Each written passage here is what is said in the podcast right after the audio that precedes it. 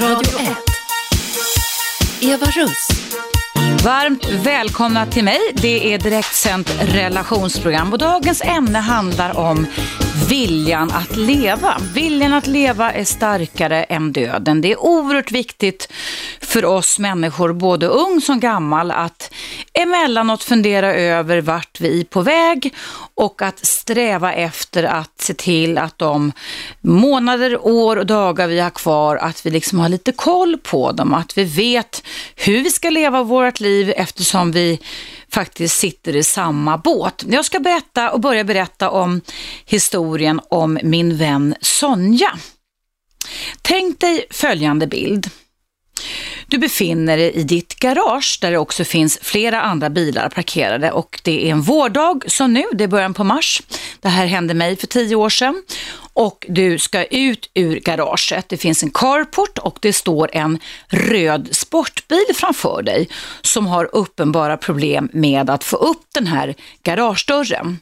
Eh, I den här röda sportbilen, som det sen visar sig det är en Porsche, så ser du ett ungt par. Kvinnan, hon är superblonderad, hon har långt eh, upptoperat blont hår, hon har ett tjockt leopardhårband uppe på huvudet och sen jättestora mörka solglasögon enligt den senaste designen.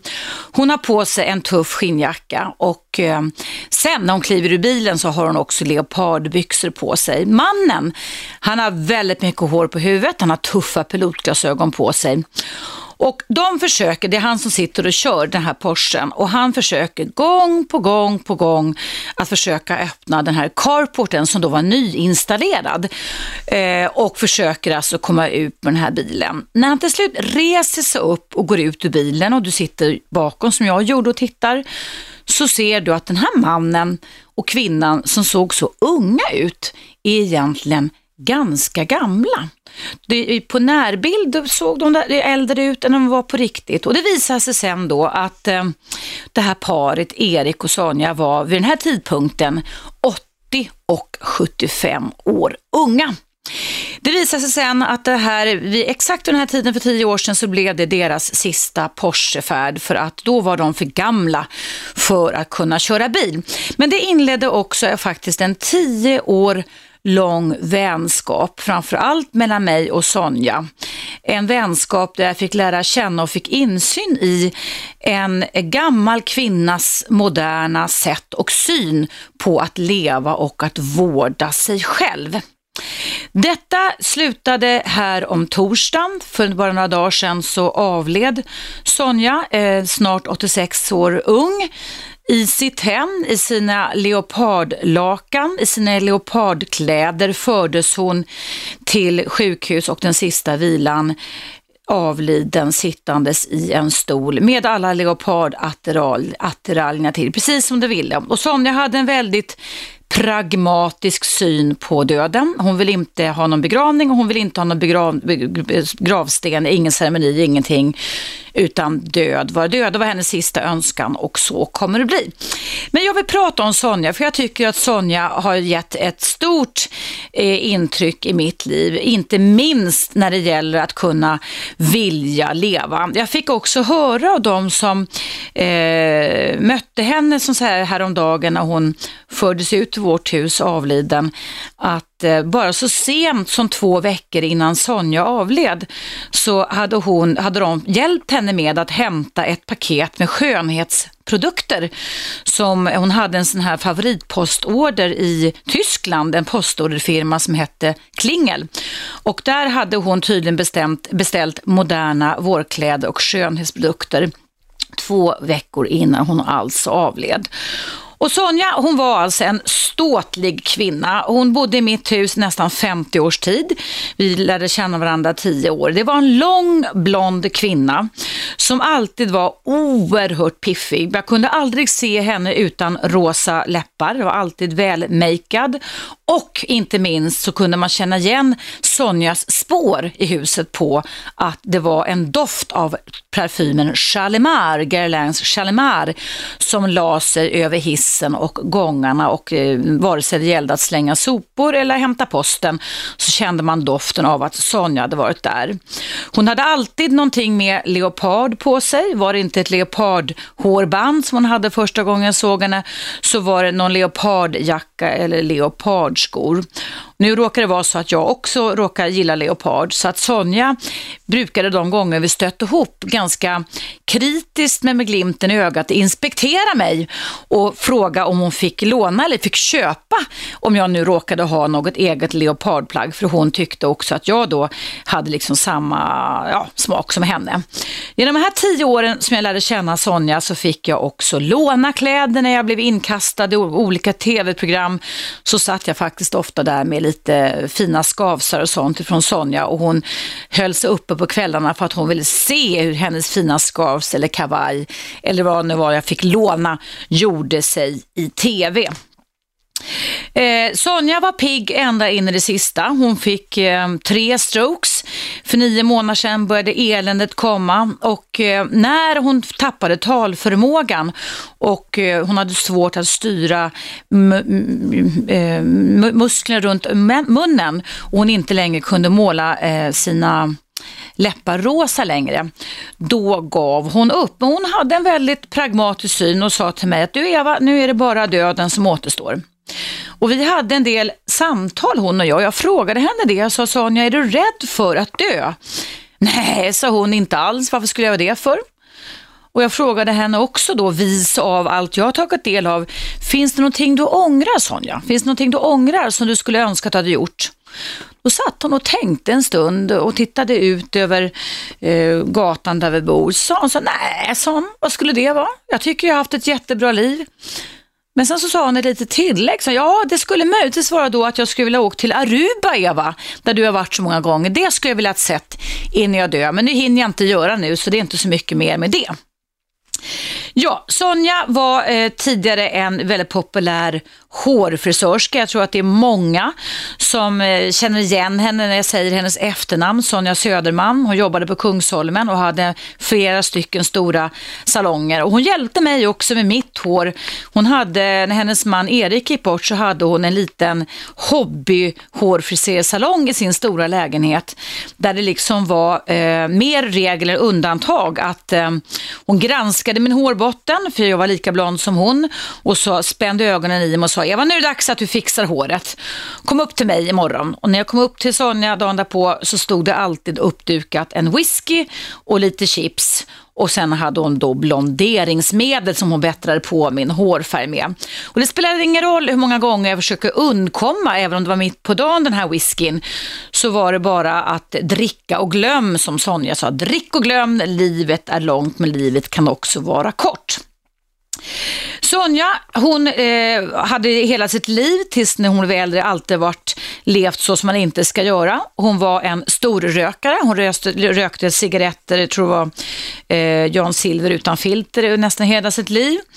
Hon drack nog för mycket och hon solade nog för mycket. Och ett väldigt säkert vårdtecken under de senaste tio åren, det var, för hon bodde snett ovanför min balkong, det var att så fort när det blev vårsol som började som det är för oss idag i mars, så hörde man att hon öppnade sitt fönster och satte sig och sola. Och det gjorde Sonja ifrån mars ända fram till oktober, november när solen försvann. Eh, det var till och med så också att jag ibland, när jag till exempel kom hem från radion, så ville jag vila en liten stund på balkongen och såg att Sonja satt och solade. Då smög jag försiktigt ut på min balkong, för man är lite trött i huvudet när man har jobbat här med radion. Men det hörde Sonja direkt, hur gammal hon än var. Eva, sa Eva, är du där ute? Så jag, och så kunde hon ropa till mig efter en stund. Du Eva, jag har, jag har, du vet det där som killarna här i huset går och köper. Och då åsyftade hon whiskyn, för då ville hon ha en medkompis, en medsyndare och dricka whisky.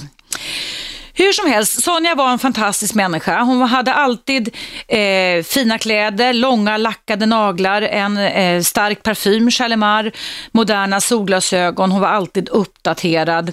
Och eh, hon var faktiskt också min hundvakt till så sent som i julas så hade min hund, henne, eller hon var sällskap, min hund var sällskap åt henne eh, de dagarna jag var här på radion. Och hon berättade en rolig grej eh, om hur hon eh, använde sina favorit egenskaper till att ge en gammal väninna som fyllde 90 år ett fint födelsedagsfirande. Och hör här, det här är helt fantastiskt.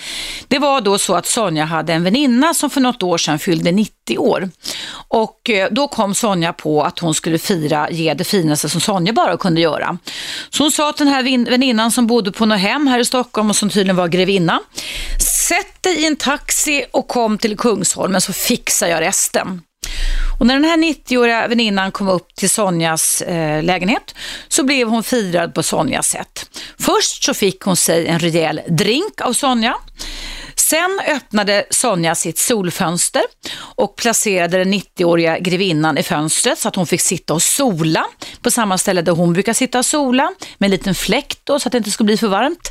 Sen lackade Sonja, grevin, den 90-åriga grevinnans naglar och sen fixade hon hennes hår eftersom hon var en eh, pensionerad frisör. Eh, ja, det var Sonja Söderman det som levde livet ut tills att hon dog. Och som sagt var, när hon fördes till den sista vilan här om veckan så hade hon sina fina leopardkläder på sig och hon närmade sig döden med en pragmatisk syn, ett inre lugn. Det var nästan så att hon var irriterad över att döden inte kunde inträffa tidigare. Men det jag tycker var så spännande med henne, det var det att hon in i det sista inte gav upp, utan att hon hade alltså beställt nya kläder och ett nytt smink på postorder som kom bara några veckor innan hennes död. Det var Sonja det, min väninna. Salig må du vila Sonja. Du var en frisk fläkt i vårt hus och vi kommer aldrig glömma dig. Nu är det dags för en paus. Du lyssnar på mig, Eva Russ, i direktsändning. Och nu vill jag prata med dig om viljan att leva. Jag vill höra ända fram till klockan 12 vad du får för tankar och känslor och betraktelser kring ditt liv. Hur du lever ditt liv nu.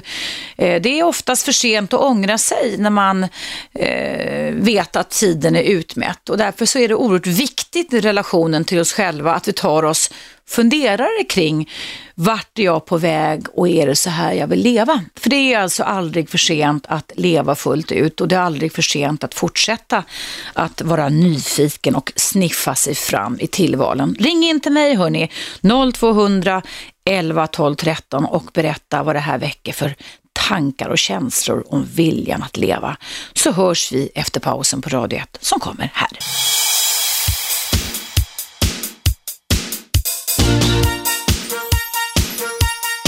Radio 1. Eva Russ. Varmt välkomna tillbaka. Idag pratar jag om viljan att leva och vikten av att vi människor tar oss en funderare emellanåt och funderar på om dit vi är på väg eller det liv vi hittills har levt verkligen är det vi vill fortsätta med. Det är aldrig för sent att förändra vare sig livet, våra tankar eller våra beteenden. Då vi överger vårat sniffande och utforskande och slutar att vara nyfikna så riskerar vi faktiskt till att hamna i andra eh, lite mer negativa, lite mer eh, tristare känslomässiga system kan man säga. Där vi eh, kan stagnera, vi kan bli passiva, vi kan bli deppiga, tappade och vi kan bara sitta och vänta in att saker och ting ska ändra våra liv. Det är ju faktiskt så att eh, motorn i våra liv är våra hjärnor. Jag berättade innan pausen om min vän Sonja, en fantastisk kvinna som numera avled hon blev nästan 86 år ung, så vill jag säga. Och det var en kvinna som ständigt var nyfiken, som vårdade sig själv. För henne var det här med utseende en väldigt viktig aspekt. Hon berättade att hon ända in i det sista, för jag var med om det när hennes man dog för några år sedan också, såg till att eh, ordna honom och klippa hans hår. Han blev 90 år gammal. Hon, hon var väldigt, väldigt mån om utseendet och det behöver man ju inte alltid vara, men hon hon hängde med i nya saker, nya trender, nyheter, nymodigheter, nya eh, moderna kläder hemma, nya moderna möbler hemma. Hon var väldigt nyfiken. Och det har också visat sig när man pratar om just den här inre drivkraften, viljan att leva, att eh, det är oerhört viktigt för vårt nervsystem och våra hjärnor faktiskt, att vi aktiverar våra sniffande och utforskande system. Ring in till mig eh, och berätta vad det här väcker för tankar och känslor hos dig och vad du har gjort kring detta, viljan att leva och ändra ditt liv. 0200 11 12 13. Vi ska höra vem som finns på tråden. Hallå? Nej.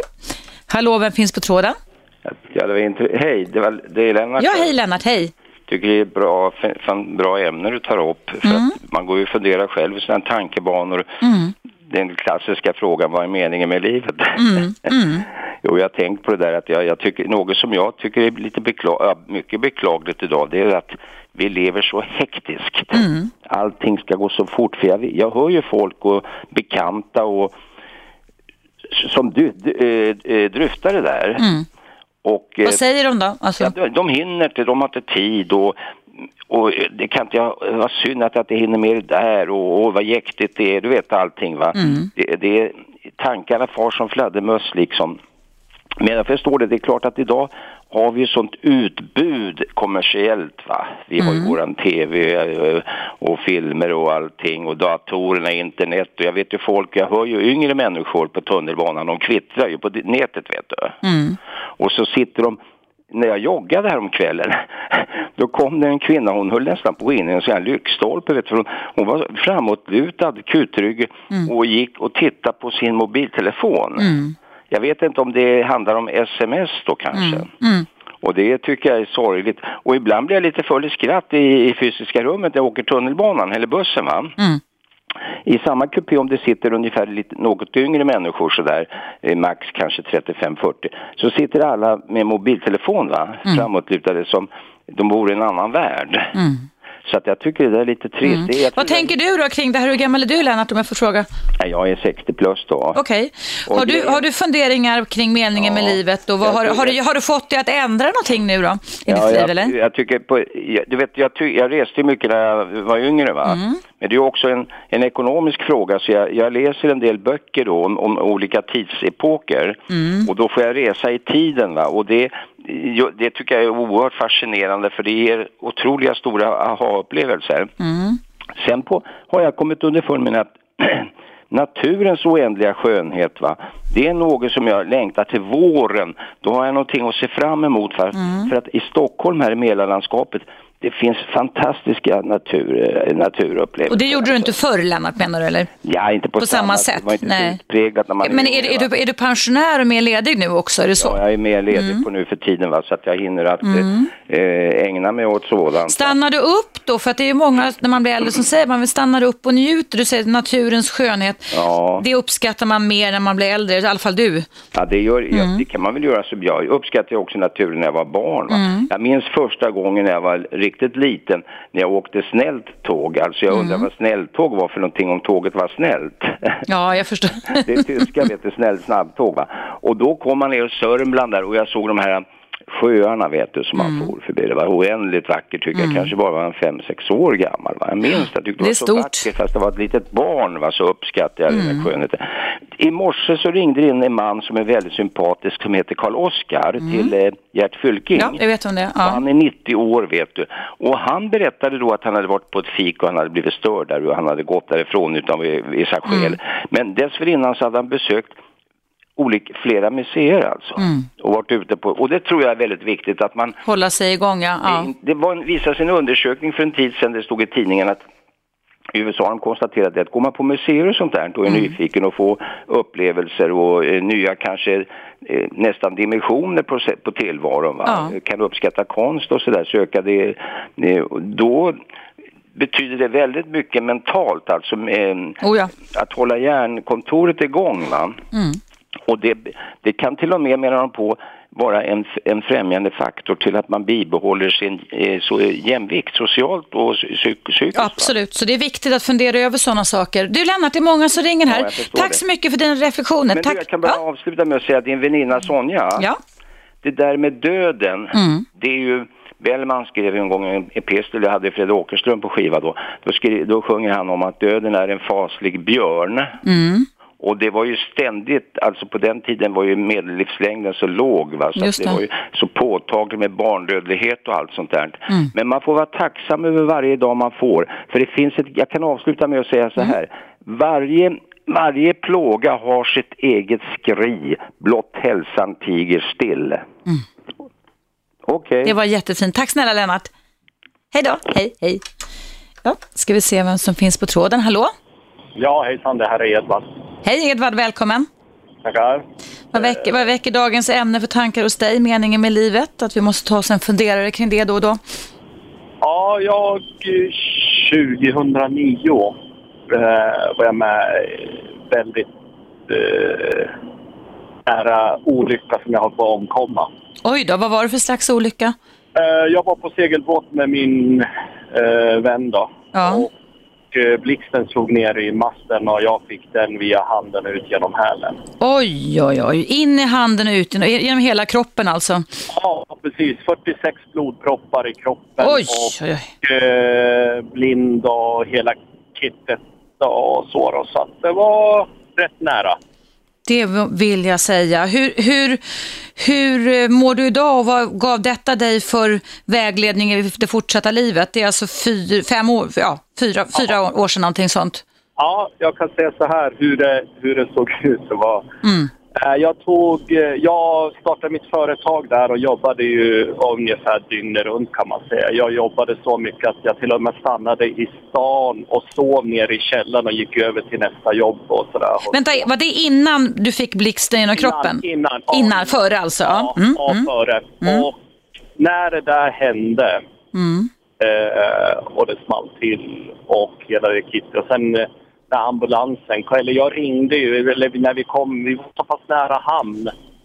Det var väl några som omkom under det året just i blixtnedslag. Det var... Var det i Sverige, Edvard, det här hände när du fick blixten Ja, i kroppen? Ja, i Sverige. Det var Sverige? Mm. Eh, utanför Dalarö var det som jag fick den här. Ja.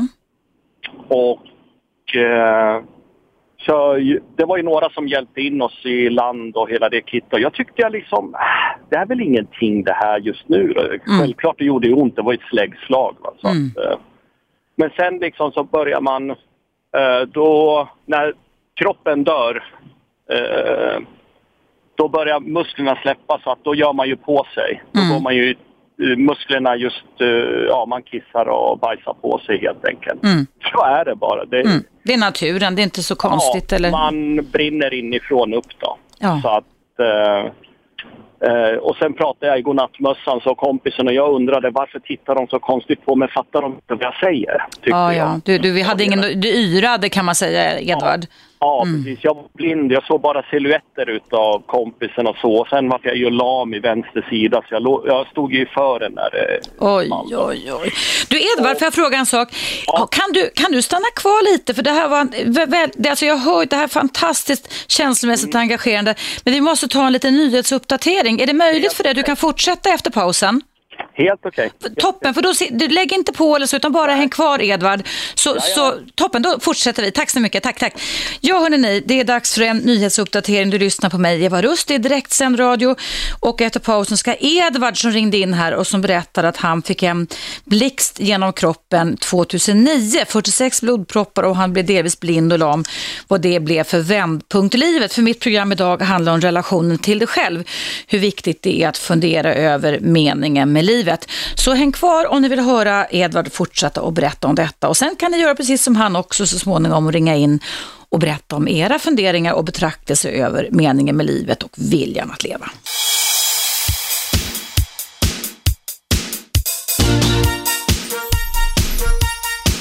Radio 1.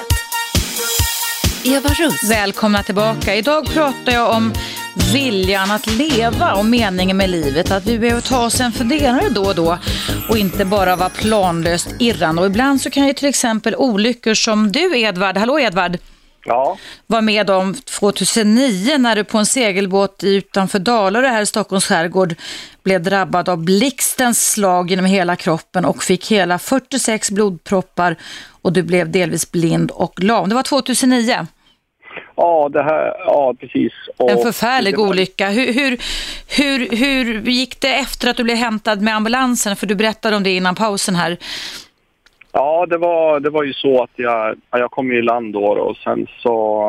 Ja, jag pratade ju med dem helt och jag menar liksom allt släpper ju så va. Det, alltså kroppen börjar ju liksom den... Den brinner ju helt enkelt inifrån och så. Mm. Och sen så skulle vi möta upp den så vi körde ju mot ambulansen och så. Mm. Och den kom ju till, vi bestämde en plats där vi skulle då stanna och ambulansen skulle komma dit. För en helikopter kunde inte komma och hämta på grund av regn och så. Mhm. Det var sånt fruktansvärt väder och så. Vi såg kustbevakningen för det var en man som hade en 65 tror jag han var. Han hade drunknat där redan så att det var ju mycket olyckor och grejer. Var det här som, sommaren då, 2009 i Stockholms skärgård? Ja, stämmer bra. Jag har ingen det minne av att det var så, men det, var, det är klart att det var så om du beskriver det så. Fruktansvärd Mm. åsk överallt alltså. Det small ju hela tiden i Stockholm Mm. överallt alltså. Så att eh, vi gjorde en sån här lång, eller ja vi gjorde en rundresa. Vi brukar göra det ibland via Södertälje in till stan för att då slappnar man av för att både han och jag, han jobbar ju på tv då, och jag håller, har ett byggföretag så Mm. vi... Din kompis som var med i segelbåten alltså när Ja, du precis, fick blixtnedslag? Ja, precis. Och vi slappnar ju av eh, genom att få resa för att slippa Mm. liksom, just motorik och mycket sånt där. Så att bara vinden kan liksom... Också ett sätt, ett, ett aktivt val då, eller hur? Meningen med livet. Hur gick, hur gick det sen när, du fördes in till sjukhus och vad fick du för skador? Har du skador som är bestående, Edvard, efter detta fruktansvärda ja, det har jag. blixt? Ja. Vad har du för skador? Men om jag säger Mm. det som hände där, hur min tanke kom till. Ja. Hur, just det där mening med livet som du sa, det var därför jag ringer just. För att eh, jag hade ju länge velat se till exempel Everest. Jag har alltid varit intresserad av berg Mm. och så. Och i ambulansen så låg jag då, alltså jag fick ju ge upp för att då insåg jag ju att det här verkar ju inte gå vägen för mitt, ja. Och på vägen så hör jag sen en sändning att vi tror inte ni hinner. Du, folk pratar ovanför ditt huvud och tror att du ska dö alltså? Ja. Ja, och då frågar jag då killen, för att jag är medvetande där, jag Mm. förstår liksom. Och då säger jag till honom, ska jag ringa min mor för hon är vid liv då? Och då säger han, nej gör det inte.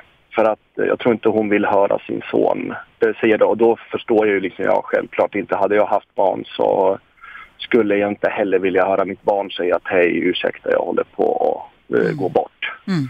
Så att eh, då var det liksom att jaha okej. Och de, de tar ju in mig för att då är det ju liksom, då är det ju... Han du känna dig något rädd på något sätt då eller? Nej, jag vart lugn när han sa att... För han tittade väldigt konstigt. Jag såg hans ansikte förändrades. Mm. Och då tog han ju fram lite nålar och grejer och sen just de här för att få hjärtat igång och sådana Mm. där. Så jag frågade och sen la han ju direkt in vatten så att det var så ohyggligt mycket dropp liksom. Bara för, han sa att jag ska vattna så mycket som det går. Det är bara för att lösa upp Propparna. Ja, precis. Så att det går då. Du har liksom, ursäkta jag säger, men nästan grillats inifrån av blixtens Ja. slag genom kroppen. Det är en förfärlig olycka du beskriver. Så i lasarettet sen så då, det, det är ju liksom, då sa de ju att ja du, du har, det märks att du inte har ar- till exempel använder inte droger eller någonting liksom. Man märker att du är, har varit stark i kroppen men du är, jag var ju väldigt överviktig under den tiden också liksom och så då. Och då sa jag till mig själv, själv eller då sa jag, eh, då i ambulansen innan dit och så då sa jag till mig själv eh, jag kommer att ändra mitt liv om jag överlever det här, så jag direkt. Liksom. Så att det var, det var verkligen liksom, jag var tvungen liksom. Det var, det var bara en tanke som, eh, för att annars var det liksom, var det bara hit jag skulle liksom? Var det det här som var mening just med livet? Mm. Och då tänkte jag, nu, nu jäklar, då tar jag tag i det. Så på nyårsafton, den som kom det året, då knäppte jag på fingret och sa till kompisen att nu ändrar jag på mitt liv. Och det, sen dess har jag gjort det. Så jag började och jag har varit i Himalaya och sett Everest och klättrat och allting. Så Du blev återställd också. Hur då Edvard efter denna förfärliga olycka? jag, jag tränade, sen började jag ju på Sats då. Jag har till och med varit i Satstidningen, inte jag tror det är för förra numret som jag var, med, med i. Jag gick ner 32 kilo Oj. gick jag ner. Oj, Jag gick på tre månader gick jag 28 kilo gick jag ner så jag tränade så hårt och verkligen liksom försökte men jag märkte att min vänster sida var hela tiden skadad. Så det, Det var där blixten tränare. gick ut, eller Ja, gick in ja. på vänster sida. Ja. Jajamän, jajamän. Så att den är, den hänger inte med. Mm. Den hänger inte alls med så att eh, den är svag alltså, det märker jag också. Sen ögats vänster sida, jag har liksom sämre syn på vänster eh, öga då. Men du blev i alla fall inte blind alltså, så du kan Nej, se, du kan, ja. Ja, Och, och, och vad sa läkarna då? Det här är lite mot alla odds skulle man kunna säga, att du överlevde mot alla odds, eller hur Edvard? ja, det kan man lätt säga. Han sa, det var så roligt, den här läkaren kom och sa att du grabben, nu har du haft en jädra... Hade du varit en annan människa hade du varit död. Mm. Men eh, köp en lott, sa han. köp för 17 en lott, sa han. Ja. Du har sån otrolig tur alltså. Det här är liksom en på miljonen att du kan överleva. Alltså Mm. det är en på miljonen som får ett sånt här slag alltså, sa han liksom. Så att det är helt ofattbart att du har överlevt, sa. För man kunde ta byxan och så kunde man riva den ända upp till knät. Kunde man riva alltså du kunde dra den isär för den hade ju brunnit inifrån. Då. Så den hade ju gått via de blöta kläderna också då liksom. Fick du inre skador som är irra- irreparabla också, eller? Eller har Eh. dina inre organ hämtat sig liksom? Nej, ja, de har ju hämtat sig men man märker att musklerna kan inte repareras. Inte vänster alltså. Det är Mm. vänsterdelen märker jag att den är, den är alltid svag. Det jag gör hela tiden gör det ont liksom. Eller ja, då när jag, Mm. nu när jag tränar eh, bland annat så att eh, den jag får någon slags kramp i den. Det är Okej, alltid mm. vänster sida. Så jag har varit hos kiropraktor och jag har varit hos massörer och så. Och de säger att ja, det är din vänstra sida. det är din så det- vänstra ja, ja. sida. Så det är alltid vänster sida som är paj liksom. Du, du Edvard, du sa att innan den här olyckan hände 2009 på, när du fick blixten genom kroppen i Stockholms skärgård så jobbade du extremt mycket. Har du ändrat Ja. de betingelserna också efter den här olyckan? Absolut. Livet är så... Eh, folk har ju kommit till mig istället nu. Nu börjar de liksom, kan han göra så kan jag göra det också. Mm. Jag kanske ska ta och lyssna på en sån där som just har gjort det. Jag åkte förra året, april, drog jag iväg till Himalaya och så. så vad gjorde jag du där? Alltså, vad, du, vad gjorde du i Ja. Himalaya? Jag var där och jag klättrade upp på Island Peak. Mm. Så att det, du kan gå in på ETH, uh, vänta nu, etab.eu och titta på bilder. Så att det kan vara, där finns det bilder att se om man eh, vill. Och sen har jag målsättning. Jag har satt en målsättning för folk liksom som är, det har blivit mer för mina egna vänner att de, det är så många som är negativa och jag försöker ge dem den där pusha dem hur positivt det är Mm. att överleva, att leva just att kunna se mer än bara den där vardagen som är stressig, stressig, stressig. Det är precis som Lennart sa det där med eh, hela tiden det där med stressigheten Mm. runt omkring och folk med sina mobiltelefoner och grejer och så. Tycker du att den här olyckan har lett till, Edvard, att du lever mer här och nu, medveten närvaro som det heter, Absolut. varje dag också? Tycker du att du fångar dagen liksom? Jag har blivit mer lugnare med människor om jag säger så. Mm. Jag ser någon som till förut var jag liksom så här, jaha tjenare, lycka till med din springning liksom när jag ser någon som försöker. Idag säger jag gud vad bra. Du, och sen positiv tanke och hela tiden se bara varje dag liksom att äh, det här kommer att gå vägen. En lite med klackspark mer än alltid vara den där att ja nu måste jag lyckas med det här, nu måste jag fixa jobben och så. Jag var alltid liksom före, jag var uppe redan klockan fyra tiden och iväg liksom och sådär. Idag är det inte så, inte alls. Så att även om det är hårt att säga det så kan man säga att den här dödliga, eller näst, nästan till dödliga olyckan när du fick en blixt genom kroppen 2009, är, kan du på ett sätt, det är hemskt att säga, men vara tacksam för eller? Absolut. Kan man, kan man sä- säga så? Ja, jo, men det får man Ja. säga, absolut, utan tvekan. För att jag sa till mig själv, det är då jag började drömma. Det är ju mina drömmar jag fick tillbaks. Mm. Jag menar, alla människor har det. Det är ju många karlar säger jag, jag har inga drömmar och sådär. Jag drömmer inte. Jo, jo, men varenda, den starkaste mannen i världen har en dröm. Den som inte har den möjligheten, han har de drömmarna till kanske någonting eh, lite lättare liv, kanske göra någonting som man inte har gjort eller något. Va? Så Mm. Jag har ett liv som jag har helt planerat. Jag, jag tänker inte köra den där som jag har haft hela tiden. Jag måste ha kärvis med pengar och jag ska göra det och det. Absolut inte. Jag har planerat till och med jorden runtsegling. Nu igen, du törs segla i alla fall efter denna Så, olycka. absolut, Ja. Allvarligt, jag har varit ensam. För grejen var så här. Mm. När olyckan hände, jag kom hem. Den där explosionen hörde jag i tre månader i skallen. När blixten slog ner genom kroppen på dig. Mm. Ja, tre månader. Jag var så psykiskt knäckt. Mm. Och sen trodde jag jag måste börja ungefär jobba.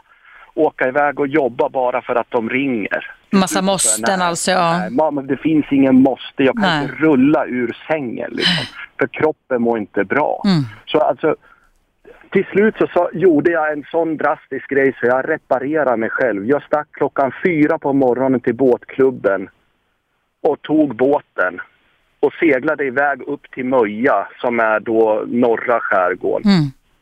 och stack dit och la mig där. Och alltså koncentrera mig helt enkelt på ensamsegling istället. Mm. Så jag tog ensam och stack iväg och seglade. Och du såg också Bara till för att, att, att stimul och respons, att det som du en gång hände, att du liksom blev träffad av blixten på segelbåten, släcktes ut kan man säga också om man pratar Ja, i beteendetermer. Ja, det var, jag Mm. ville möta den där faran, eller den grejen. Jag ville möta den där att jag, hur... eh, Så att det var mycket, mycket skönare. Och efter det så, absolut, den bara Mm. försvann. Jag behövde inte ha några människor som jag behövde gå och prata För de frågade om jag ville komma in och prata om Just det här det. och psykologer och Ja. hela det. var ju liksom, de mötte mig, jag måste säga, de mötte mig jättebra på Karolinska. Alltså de gjorde så otroligt jobb. För jag fick ju inte sova under den första 24 timmarna för att inte hamna i koma och Okej, där. så man måste hålla dig vaken liksom, jag Ja, förstår. Ja. Du, hur gammal var du när detta inträffade, Edvard? Och jag är 47 nu, så Ja. fem år tillbaks då. 45, 44, 40, 46? Ja, ja, 45, ja, något sånt. 42. Ja, 42, ja okej. Ja, vad blir Du- det? Det är inte så. En, Ja, jag två, kan inte tre, räkna. fyra, år bak. Så att, ja. jag kan inte räkna. Det du får räkna åt mig, Edvard, du är yngre än vad jag är. Du, vilken fantastisk historia. Tack så jättemycket för din generositet att be- berätta om hur en sån svår, nästan med dödlig utgång, olycka blev en vändpunkt för dig i livet och att det verkligen skapade mening med livet för dig igen. Jag tror att den är oerhört lärorik eh, för många som lyssnar just nu. Ja, det hoppas jag verkligen. Och Verkligen. de ska verkligen inte vänta tills den där den här kommer, att de krockar med bilen någonting. Alltså det är så jädra viktigt att leva Mm. också. Inte bara hela tiden stressa fram utan det, det måste finnas något annat. Jag har så många kompisar som gör det. De fixar familj och hus och de har lån och grejer och sen Mm. står de där och gnäller. Mm. Alltså jag kan förstå deras situation och det de har satt sig i men ja, jag vet inte vad man ska säga mer än jag försöker i alla fall Mm. och säga att ta vara på det för du har inte en aning när den kommer den där grejen. Det kan vara var som helst. Just det. Mm. Tack så hemskt mycket Edvard för detta samtal. Lycka till i resten av ditt liv. Tack själv. Hej, hej, hej. Hej, hej. Ja, det var en stark och väldigt, väldigt, väldigt viktig berättelse som Edvard berättade. Vill du, kom du in sent i den så vet du att mina direktsända program alltid går i repris samma dag, alltså vardagar klockan 19.00 om du vill höra den berättelsen i sin helhet. Det handlar om meningen med livet, viljan att leva. Det är dags för en paus på Radio 1.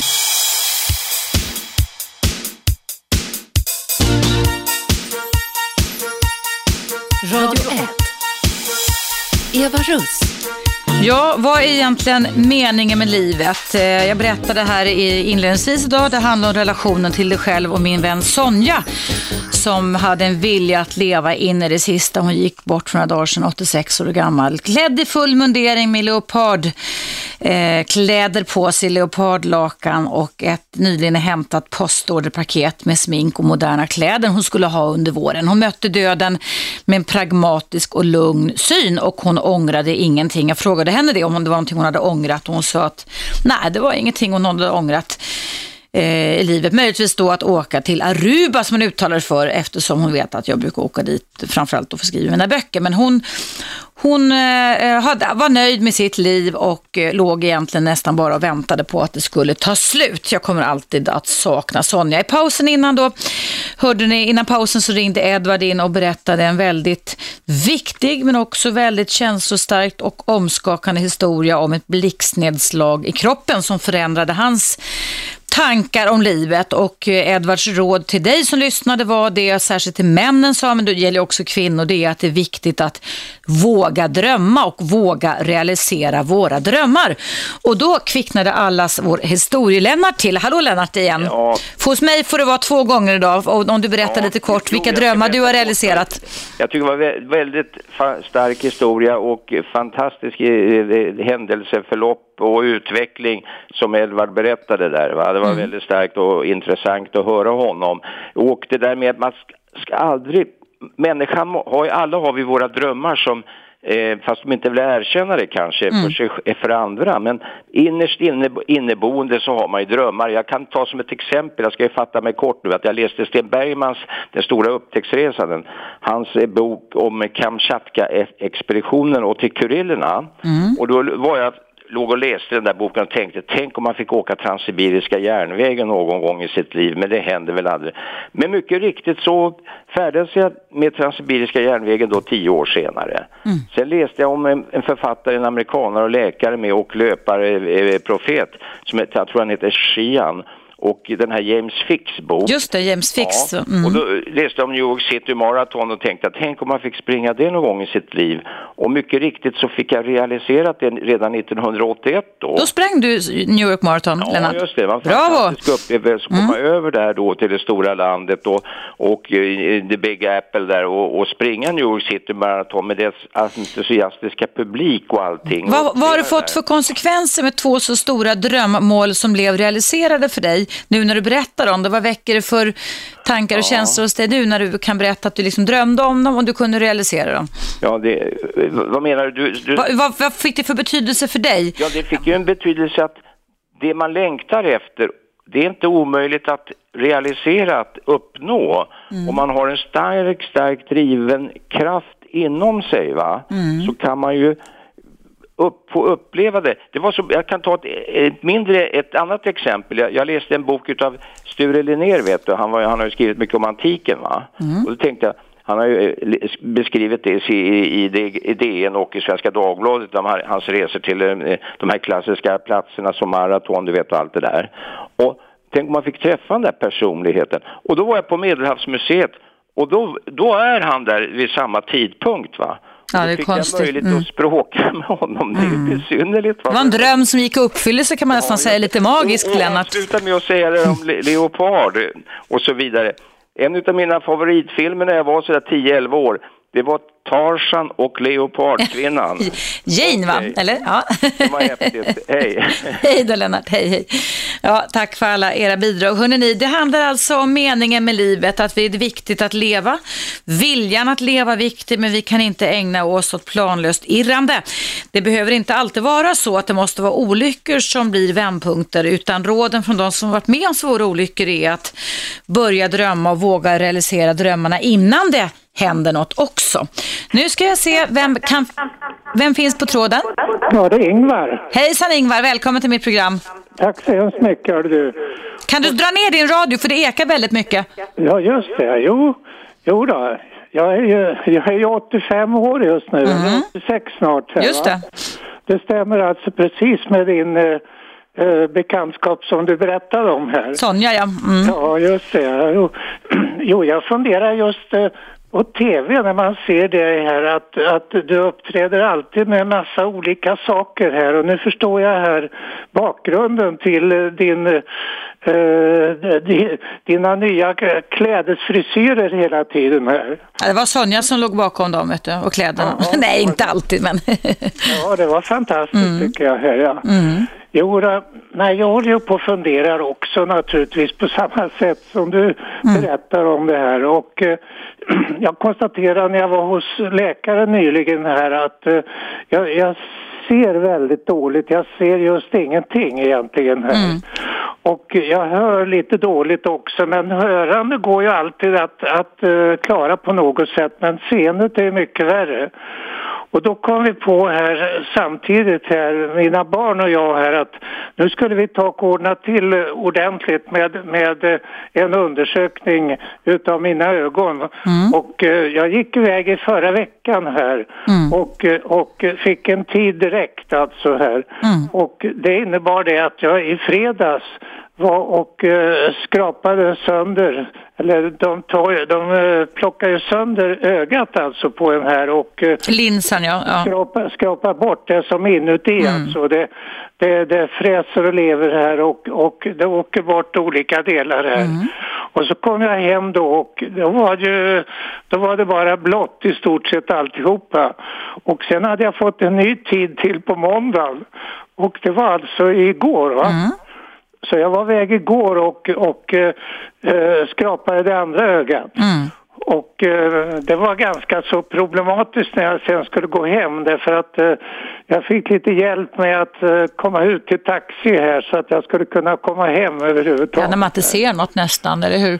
Du, du Ingvar, vad, vi måste avsluta här, det är alldeles strax nyheter. Kan du bara sammanfatta lite vad det här då med, det här kan ju bli en vändpunkt där du kommer ses som en ungdom igen, eller hur? För det är väl det som är själva tanken med ögonoperationer. Jo, visst, det är tanken alltså. Ja, och vad är det för, vad har du kvar för saker och drömmar som du skulle vilja re- realisera? Finns det något sånt? Jo, jag ska gå på, börja på, gå på bio, jag ska börja på, Mm. gå på, på teater och annat som jag inte har kunnat se förut. Just det, alltså, just det. Mm. lång tid alltså. Utan det blir en, det en fantastisk förändring som jag Mm. ser framför mig här. Än så länge kan jag inte läsa. Jag, kan inte, jag har suttit och, och knappat här på de här knapparna fram och tillbaka Ja. för att kunna komma fram till dig här. Ja. Och äntligen lyckades jag. Ja, du, det, du, du ringer ju ganska ofta hit så jag tänker du kan väl nästan det automatiskt men det är svårt när man inte ser något också, eller hur? visst, hörru, det, var, det var en helt ny upplevelse att, att, att hålla på och trycka i mörkret på de här. Ja. Så att just nu så ser jag bara lite blått framför mig. Oj då. det blir bättre mot kvällen här. Det blir lite, lite som Edvard, men han fick i och för sig då en blixt genom kroppen 2009 och han var också delvis blind men det kom tillbaka. Men du, jag, jag önskar dig god bättring Ingvar och hoppas att du kan realisera dina Ja, jo då, Drömmar om jag att gå på bio, teater och Jag- sånt. Jag återkommer så ska vi se. Ja, här, toppen! Ha det jättebra och god bättring, krya på dig. Tack ska du ha. Ja. Hej då, hej hej. Ja, hörni, du lyssnar på mig, Eva Rust. Det är direktsänd relationsradio. Eh, idag pratar jag om viljan att leva, meningen med livet. Vi måste våga drömma och realisera våra drömmar och inte ägna oss åt planlöst irrande. Och vi, varför ska vi alltid vänta på att någonting ska ske som leder till att det ska bli en vändpunkt? Det är ganska typiskt för många av oss människor att det måste hända något först som ska göra att vi eh, då får eld i baken, eh, eller hjärnan snarare är väl då, och börjar förändra våra liv. Eh, ring in till mig 0200 11 12 13. Jag är med dig här ända fram till klockan 12 idag. Vi har faktiskt en hel timme till på oss, du och jag tillsammans, att prata om existentiella funderingar, vändpunkter, målbilder, drömmar som inte bara behöver stanna vid en dröm utan som också givetvis kan realiseras. Numret är 0200 11 12 13 och nu är det dags för en nyhetsuppdatering på Radio 1 och du lyssnar på mig, Eva Russ.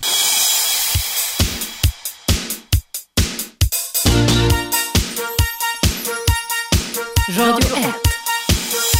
Eva Russ. Välkomna tillbaka. Idag pratar jag om viljan att leva och meningen med livet. Det handlar om relationen till dig själv, att börja fundera, inte bara drömma. Vi ska drömma men också våga realisera våra drömmar. Det är många som ringer in. Det här ämnet verkar väcka många tankar och känslor. Och eh, först ska jag prata med Maria och sen ska jag prata med Lars som har väntat här i pausen. Hallå Maria! Ja, hejsan. Välkommen. Eh, tack.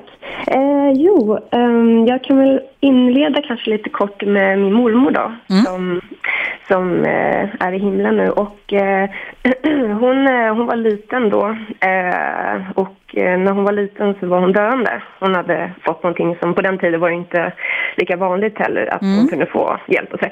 Och eh, då var det en evangelist eller missionär som eh, knackade på faktiskt hos dem eh, en kväll där. Och de öppnade och släppte in den här missionären och som då såg att deras dotter var, ja, var dödssjuk då. Och eh, han frågade om han fick be för henne såklart då och la handen på henne och ja, fick be för henne och när han bad för henne eh, och Jesus eh, i hans namn så bara reste hon sig upp och började diska åt sin mamma och kom, hon kom berätta. Och det här eh, kom, eh, kom jag på efter hon hade gått bort då hade jag själv eh, redan fått uppleva Jesus i mitt, i mitt eget liv. Mm. Eh, så jag hade redan funnit livets mening i Jesus Mm. Kristus i mitt hjärta, som jag är så otroligt tacksam för. Är du engagerad i någon speciell trossamfund och så eller?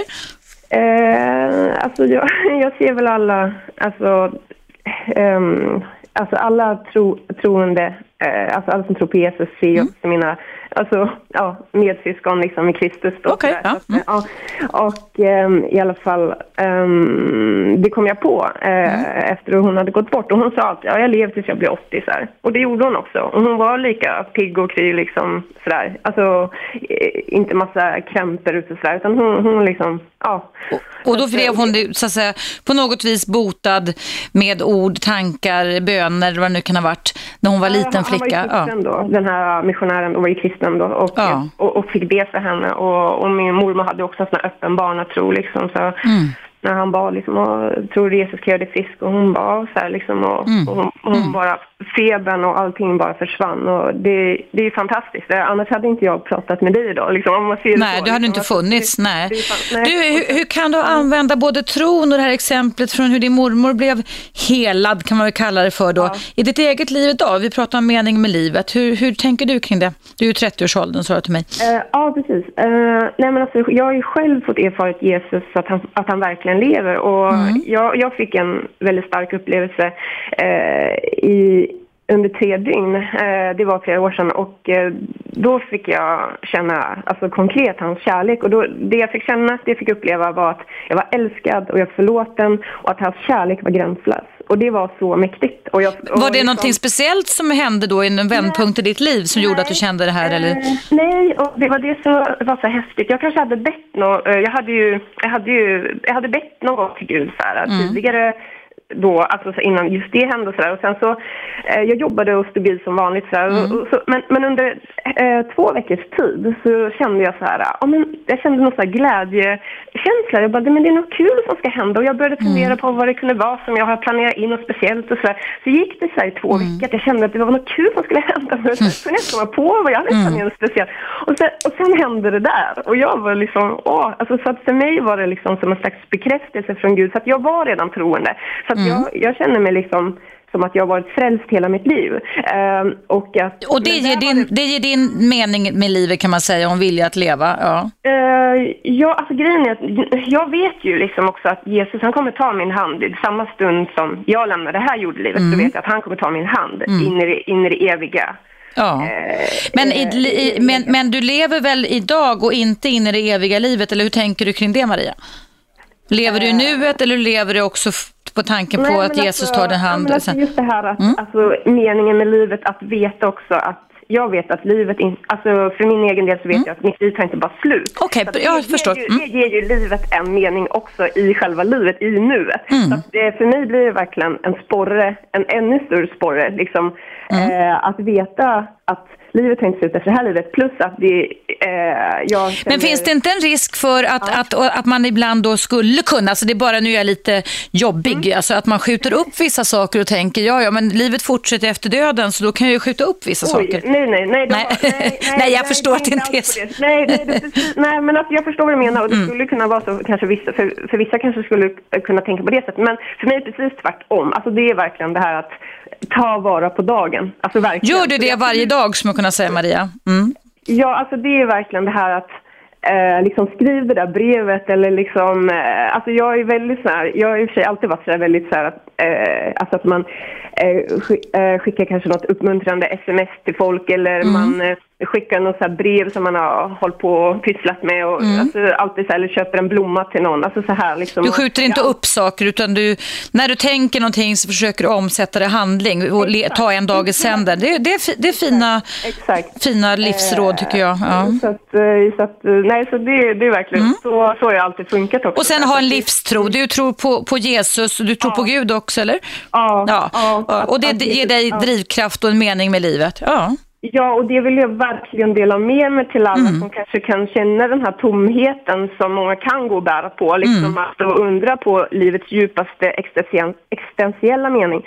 Och eh, ja, jag har verkligen upplevt liksom den otroliga glädjen och tillfredsställelsen. Även eh, alltså självklart så kan, kan ju, man kan ju ha det tufft även som troende. Alltså, så här, Det är klart att det, liksom, det är som en, kan ju vara liksom, livet kan ju vara, Oh ja. eh, ja. vad ska man säga, ja men du vet så här, i olika faser så, där. så att det betyder inte så här, ja nu är alla bekymmer bortblåsta liksom Nej. bara för att man går och blir frälst. Alltså, men, men, men däremot så, det, eh, men att få, få, få hitta kärnan i livet, eh, vilket ja, man, men man har upplevt då och, eh, och eh, man kan inte låta bli att dela med sig av det. Liksom. Och, det, och, det, och, det, och sen så, men sen är det självklart ett, ett fritt ställningstagande för varje människa. Så, men, men, men, har, men har man en, så här, en gång frälst, alltid frälst, nej, men då vill man verkligen dela med sig av Mm, det kan jag tänka mig. Man vet Ja. att det, det är väldigt värdefullt och viktigt. För att, så här, liksom, det här låter kanske lite kul, men man tror ju på det man tror på. Och jag, menar, om Det jag håller jag helt och hållet med om, ja. Om jag är frälst och tror på Jesus, ja Mm. men kom igen. Det är väl klart att jag vill berätta om den största skatten jag funnit i mitt liv. Och det, det häftiga är att Mm. det, den försvinner inte heller när jag delar med mig av den. Utan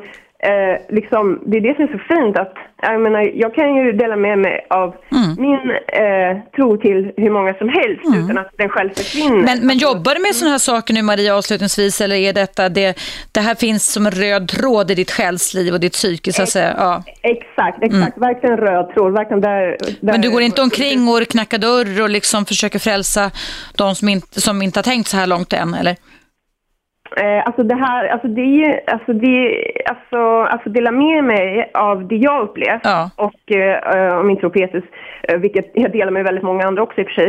Gör du det i kyrkan då eller alltså den kyrka du tillhör eller? Nej men som, som en röd tråd. Alltså jag, eh, förlåt, jag, jag, jag, vill, jag vill verkligen ha det och bevara det som min passion och min livsstil helt enkelt. Inte bara något som man lägger liksom Ja. på hyllan och liksom, utan det, är en, alltså det är en, Ja. en väldigt stor del av den man är. Liksom. Ja, Och då, kan man, då, liksom, då utgår man ju ifrån, ifrån det. Sen kan jag bara få säga lite kort eh, att eh, när jag var tonåring så ska jag bara säga att då ledde Gud, Gud, Gud ledde mig till att läsa Bibeln. Alltså det stod en dammig bibel i bokhyllan så här, som, som bland massa andra gamla böcker. Och det var ingen som kom och sa till mig liksom, att ja, nu ska du läsa. Det var liksom, jag, jag blev ledd liksom, inifrån av Gud, att, ledd till Bibeln. Så jag, Ja, liksom, för mig ja. var det inte som att läsa Kalle utan det var ju ganska så här, oj, du vet, när man liksom är tonåring och liksom man hänger som... Men då har du varit med om dri- drivkrafter som har planterats in i dig genom, genom din tro på Jesus och Gud kan man säga. Du Maria, vet du vad? Vi måste tyvärr avbryta för det är dags för en liten reklam. Tack så jättemycket för ditt bidrag kring detta med livet, mening och livsstil. Det var intressant att prata med dig. Tack för att du lyssnade på Radio 1. Hej så länge, hej. Dag, hej. Hej, hej. Och Lars, jag kommer prata med dig i pausen. Lägg inte på för vi får lov att koppla in dig då efter reklampausen på Radio 1 som kommer exakt nu.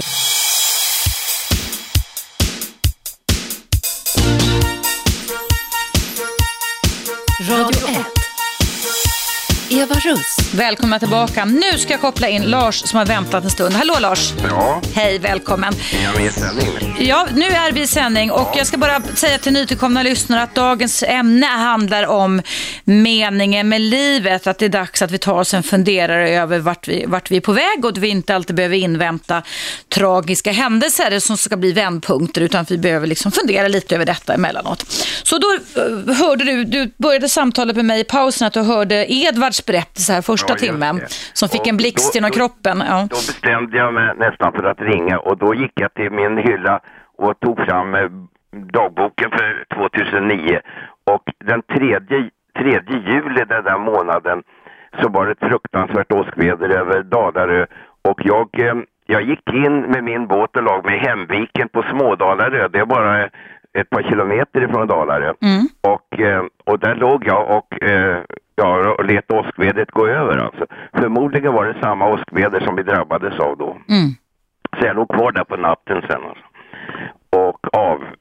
Hörde du talas om den här olyckan som Edvard drabbades ja, av? Det var Nej. det som var så märkligt. Jag har inte hört talas om den. Och däremot så har jag en god vän som har arbetat med eh, alla olyckor av den där slaget som har ägt rum i Sverige de sista 50 åren eller någonting sånt där. Mm. För att få reda på vad eh, blixtnedslag i båtar och sånt där. Mm. Han jobbar just nu på Transportstyrelsen med båtar och sjösäkerhet. Mm.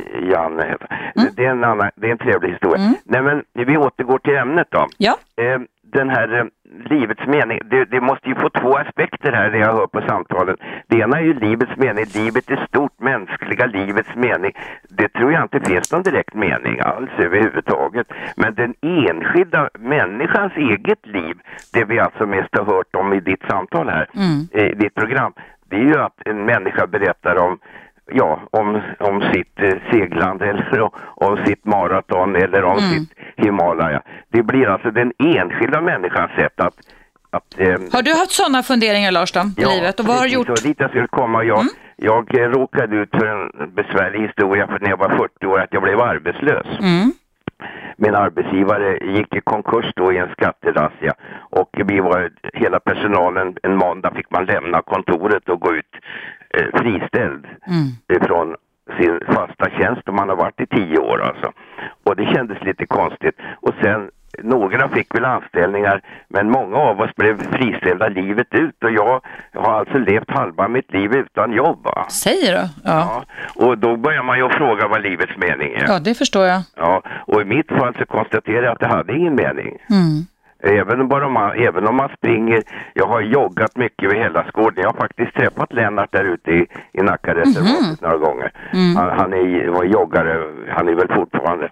Och eh, eh Ja, ja, ja, men det är ju inte själva meningen, det är ju bara ett sätt att tillbringa tillvaron. Så att säga. Mm. Men hur har du löst det för att du ska kunna finna... Fin du har inte löst det? Nej.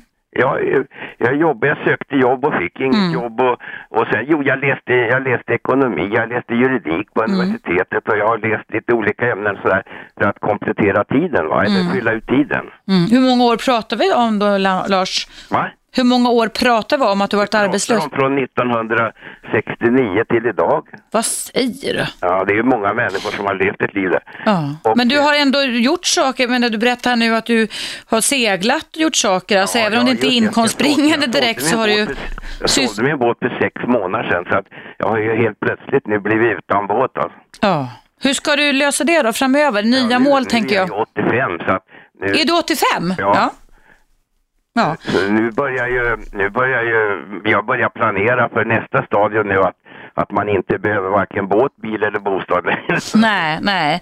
Men har du några drömmar kvar då Lars, 85? Spår, inte spår. Ja, jo, det är väl den där enkla, triviala, att man hoppas att man ska kunna hålla sig frisk och sådär. Ja, är du, och du är frisk nu i alla fall? Ja, eller? och på, det var en som berättade om en ögonoperation för 2010 gick jag. Ingvar, ja. Mm. Ögonoperation och fick tillbaka min syn igen. Det är fantastiskt, ja, eller hur? jag har bättre syn nu än när jag var 30. Men du, när du idag nu då eh, vaknar upp, ja. 85 år ung och du är frisk än så länge och du ja. ser bra. Hur resonerar du kring livets mening och eh, det här? Jag, jag har inget. Min, mm.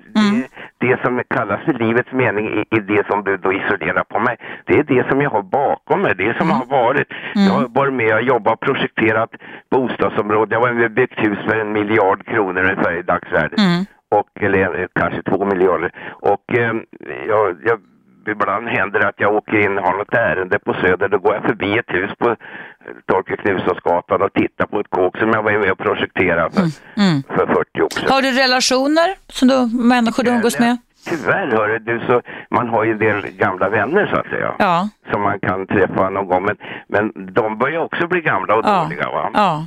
Men vi träffas ju några sådär och sen har jag då en del, eh, ja som jag brukar åka ut på ett sånt här äldreboende om du förstår vad jag menar. Mm, mm. Där brukar jag åka och uh, käka lunch med några vänner ibland. Mm. Och sitter och pratar en lång lunch alltså. Ja det är bra det för att det är viktigt att inte sluta relatera, så att inte sluta stå förbindelse med mm. människor. Men det är lite svårt när mm. folk lämnar oss vet du. Ja. Folk går ju bort, de dör ja. hela tiden. Ja. Och eh, jag har en, det är nästan lite ja, det är med viss panik man öppnar tidningen varje dag och, och tittar på dödsrunorna. Jag kan förstå det. Jag ja, kan förstå det. Man har nästan alltid någon, eh, ja, någon bekant som, har, som man har träffat och umgåtts med eller haft något jobb tillsammans med eller liknande som har försvunnit. Då. Mm. Eller mm. kurskompisar från tiden. Ja.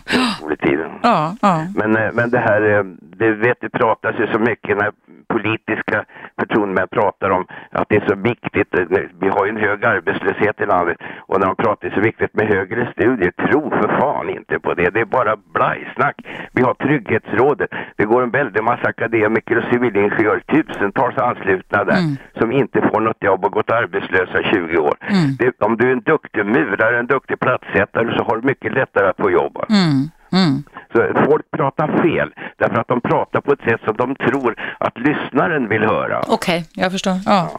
Du Lars, det var intressant att prata med dig. Uh, keep the good ja. mind up som man säger ändå. Allt, allt, detta på grund av den där natten den 3 juni 2009. Ja, precis. Ja, det var jätteintressant. Tack så jättemycket ja. för att du lyssnade på oss och tack för att du ringde in. Ha det jättebra tack, Lars. Tack för ditt hej. fantastiska program. Tack ska du ha. Hej då, hej hej.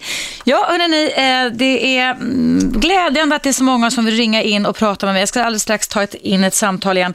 Jag vill bara passa på att säga då att dag, idag så handlar mitt eh, relationsprogram om meningen med livet. Jag började berätta om min vän och granne Sonja som somnade in häromdagen, 86 år gammal. Eh, hon höll stilen in i det sista och eh, planerade, hon visste att hon skulle dö. Hon gick in i döden med stoiskt lugn, ingen rädsla. Hon hade levt sitt liv men ändå hade hon gjort en postorderbeställning på lite snygga moderna kläder och smink som killarna i vårt hus han hämta ut men hon hann inte använda. Ja, nu ska vi se, det ringer jättemycket folk här. Vi ska se, vem är där? Hallå? Hej, Eva Kjelle Svensson från Järfälla. Tjena Kjelle, hur är läget med dig då? Jo då, sådär är det väl. Eh, jag måste i alla fall ge dig en stor eloge. Jag tänker på det du pratade med din härliga vän, med en fantastisk berättelse som du kom med. Sonja, ja. Ja, ja precis det jag tycker man är alldeles för dålig på här i Sverige överlag, mm. det är att säga till folk att de är bra medan man har chansen. Mm. Hur många gånger har man inte läst alla de här... Tänk dig på hur många det var som sa att Cornelis Vreeswijk var jättebra efter han hade dött. Mm, precis. Ge människor den energin och den motståndskraften när du har chansen. Ja. Jag gör det, men jag får så mycket smällar för, för dem att jag, att jag är sån. Men jag kan, inte, jag kan inte ta bort det från mitt sätt att vara. Liksom. Och du har ju varit med, för det, du och jag har pratat vid tidigare, hur Kjell? Du har ju varit med ja. om en ganska svår mobbing i skolan om inte jag minns fel. Jag har till hästminne ja. när det gäller sådana här saker. Och, så jag tänker att där har väl det kanske på ett sätt, även fast det var hemskt det du var utsatt för, lett till att du ännu mer värnar om att vara en god människa och liksom visa andra människor att du säger att det här gjorde du bra. Du väntar inte mer och håller inne så att säga. Nej. Nej, men, alltså, men det, det som jag tycker är värsta för mig, va? Mm. det är just det liksom att jag känner att jag inte har fått den rätta chansen i livet mm. tack vare att mitt självförtroende, min självkänsla blev så förstörd mm. under min skoltid. Mm. Så, att, så att jag har liksom ingenting sånt kvar. Utan, och så det är just att man känner ibland själv att man är som en jävla stege. Att man, man reser upp stegen och så kommer en sån här motgång och då bara rasar liksom mm. alltihopa. Va? Och, och det, det jag menar att, att man, jag jag vill leva efter den principen att jag säger till folk, oavsett var jag möter ja. någonstans, att de är bra. För att jag tycker att det, de, de är, alltså det, det, kan vara en kick för dem. Liksom. Ja. Det, det, är så jag skulle vilja att världen var totalt sett om man säger. Mm. Jag kan bara tala om för dig en sak, jag håller helt och hållet med dig Kjell. En, en sak jag tänker på som också är en sån här eh, lite hurtbulle jag försökt vara, det är ju det att i Sverige, jag har sagt förut, att, att när jag alltid varit i USA eller när jag utbildar mig där, om man är ute och går eller joggar så tittar folk upp och ler och säger good morning, have a nice day. Här i Sverige, när jag, när jag kommer hem från USA och är liksom uppfylld av den nya kulturen så kommer jag hem på Kungsholmen där jag bor och så säger jag samma sak till folk, då tittar de på mig som jag ska vara knasig va? Ja, och ibland, jag kan tala för att jag har fått uppfattning, alltså mm. fått, folk har sagt, hur mycket, hur mycket sprit har du druckit? Då? Ja, de tror, ja. Nej, men jag är inte full i dugg, utan jag är bara så här. Nej, du har lärt dig av, av utifrån dina erfarenheter hur viktigt det här är. Säger du ifrån nu idag då, när någonting är dåligt då, Kjell? Ja, det gör jag väl till viss del. Men, men, men samtidigt så tycker jag då att jag blir liksom så här, när jag säger att någonting är dåligt så kan jag, men vadå, det är väl ingenting att bråka om. Mm. Nej, men för mig, att jag känner så jävla väl av de här gränsen mellan svart och vitt. Just att, man, att, att, man har varit med om det så mycket skit, så, så känner man liksom av de här mm. gränserna så tydligt emellan. Liksom. Men du, avslutningsvis Kjell, en grej som du sa som jag vill protestera mot, det är då att du säger att du för alltid liksom har fått förstört ditt självkänsla och självförtroende. Det är är en tankekrumlur du gör. Därför att om du kan öva dig på att säga att människor är bra så kan du börja säga det till dig själv också. Men, jag, men Eva, mm. jag ser inte dem Alltså jag, det, det, det du tycker att jag har bra, Mm. det, det är för mig basic. Tack vare att jag inte har fått det. Ja, jag vet. Men, men jag säger att ingen kan ta ifrån dig, nu är du vuxen, eller hur? Du var väl närmare 50 nu va? Så att ingen kan ta ifrån dig din självkänsla och självförtroende mot din egen vilja. Där kan du börja jobba med, precis på, på det fina sättet du gör, att du ger andra beröm, alltså bekräftelse. Börja varje dag och säga, vad gjorde jag Kjell som var bra idag? Ja, ja, Att, att börja mata dig själv med att bekräfta dig själv lite mer, det är ett sätt att hämta hem den där söndersmulade självkänslan. ja, det är svårt. Men, men Det är svårt, men du måste öva dig på det min vän. Ja, men du, du är en sån här människa som liksom man ska kunna lyssna på tio timmar om dagen. För du har alltid så himla mycket bra att säga och alltid så mycket bra, mycket bra tankar som man får. Va? Så det, därför så är man med liksom. Man, Vad roligt att höra Kjell, vad fint av dig. Du, fortsätt att vara en sån fin medmänniska, men börja ge dig själv lite beröm också, okej? Så hörs vi framöver. Vi måste ta en liten paus här på radiet. Hej då så länge. Hej, hej, hej. Hörrni, det är dags för en nyhetsuppdatering. Idag, i och med att det är direktsändning, det är det ju varje dag när jag och Eva Russ är här så handlar det om livets mening, viljan att leva. Eh, måste vi alltid invänta att andra ska puffa oss i ena andra riktningen. Det är viktigt det där att börja fundera över den enskilda livets mening som Lars så klokt uttryckte det. Ring in till mig och berätta vad det här väcker för tankar och känslor hos dig och även om du har någon existentiell, alltså livshistoria du varit med om och vill bjuda på här på Radio 1. För mina lyssnare här på Radio 1 är väldigt schyssta och coachar varandra. Det är fantastiskt hur ni liksom hjälper varandra och peppar varandra också. Numret är 0200 11 12 13 och vi hörs efter pausen så kommer här.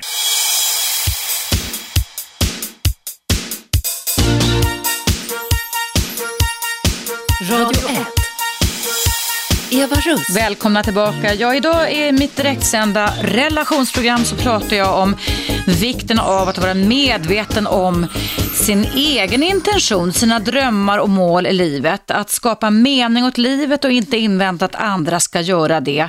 Viljan att leva är starkare än döden. Det är många som ringer in och som får funderingar över livet. Den första jag ska prata med är Jenny och den andra är Stefan. Nu ska vi se om jag trycker på rätt knapp. Jenny, där är du kvar va?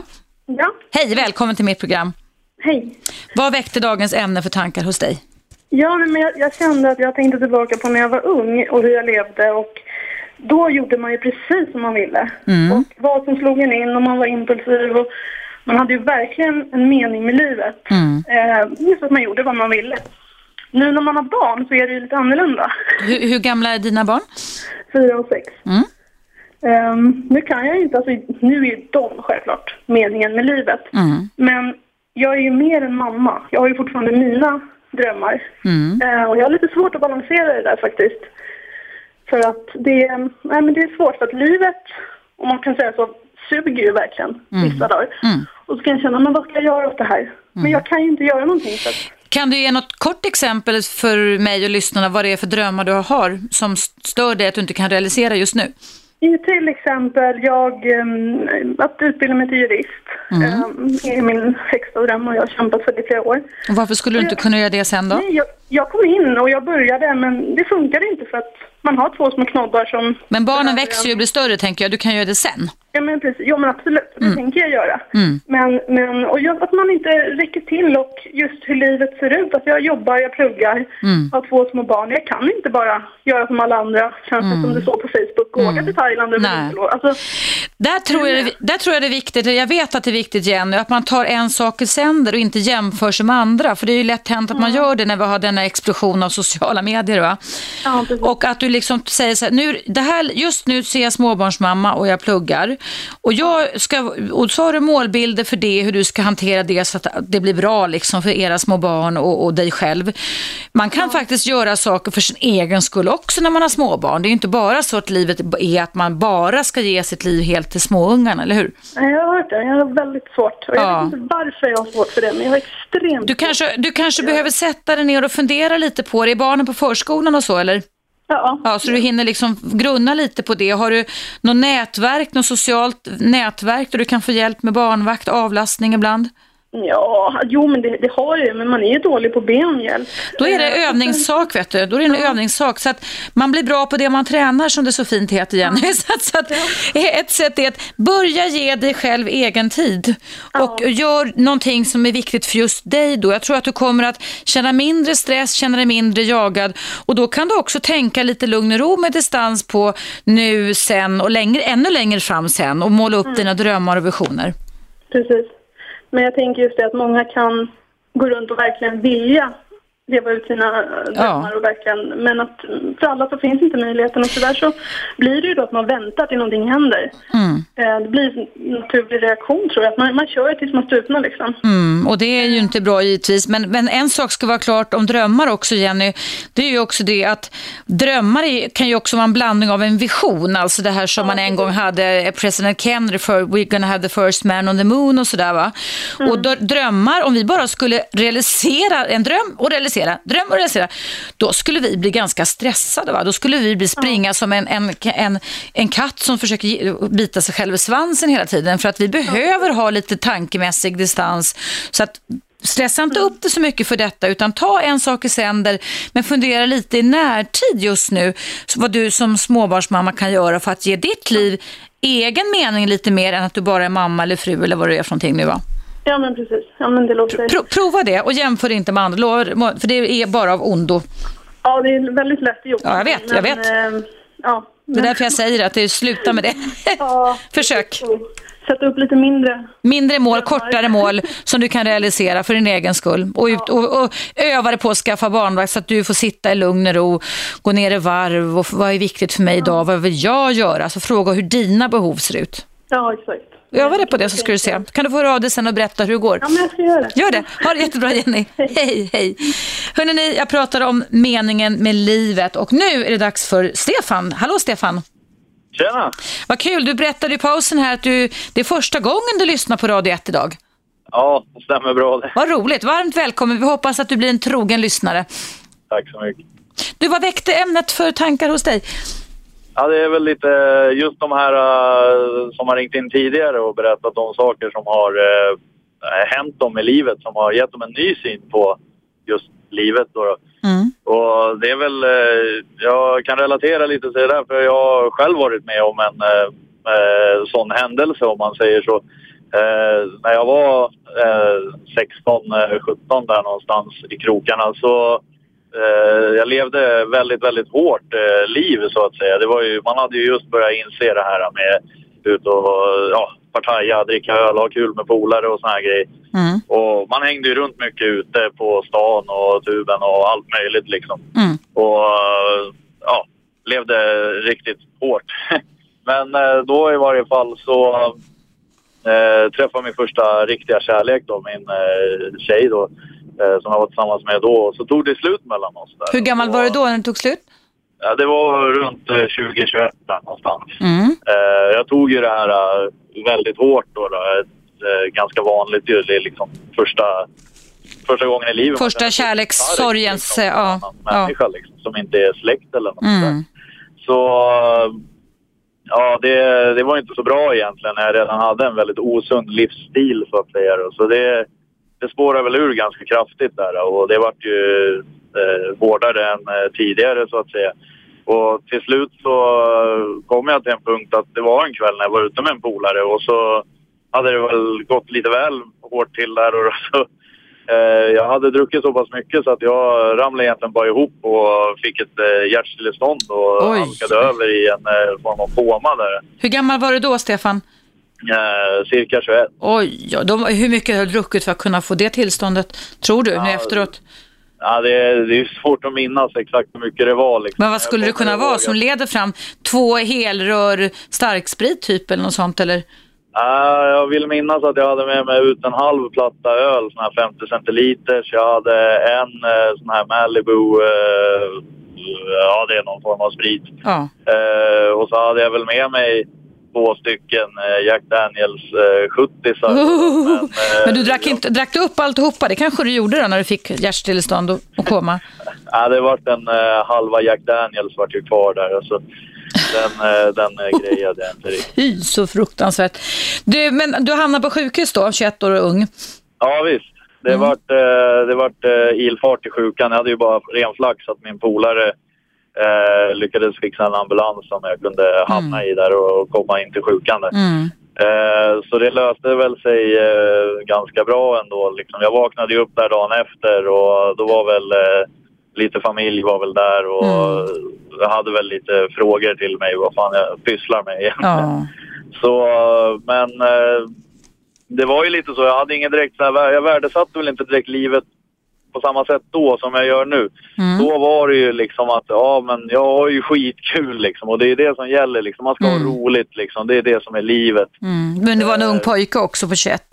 Ja, precis. Det är ju det som är hela grejen. För att jag insåg väl det när jag vaknade att eh, det är liksom inte riktigt allt är inte bara så svart och trist som det var mm. just då speciellt eftersom det hade tagit slut där och så Mm. Så då vart det, man började värdesätta lite andra grejer. Mm.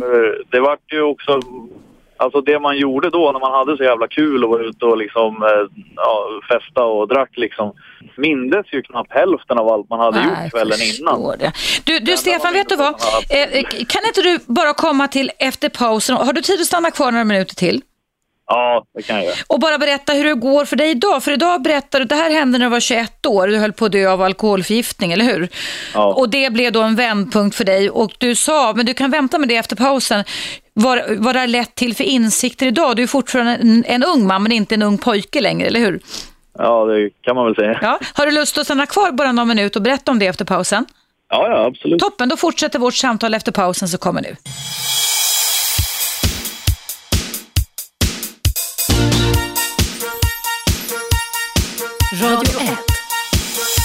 Eva Russ. Välkomna tillbaka. Idag pratar vi om meningen med livet och jag ska avrunda samtalet med Stefan. Hallå Stefan, är du kvar? Ja, visst. Toppen, tack.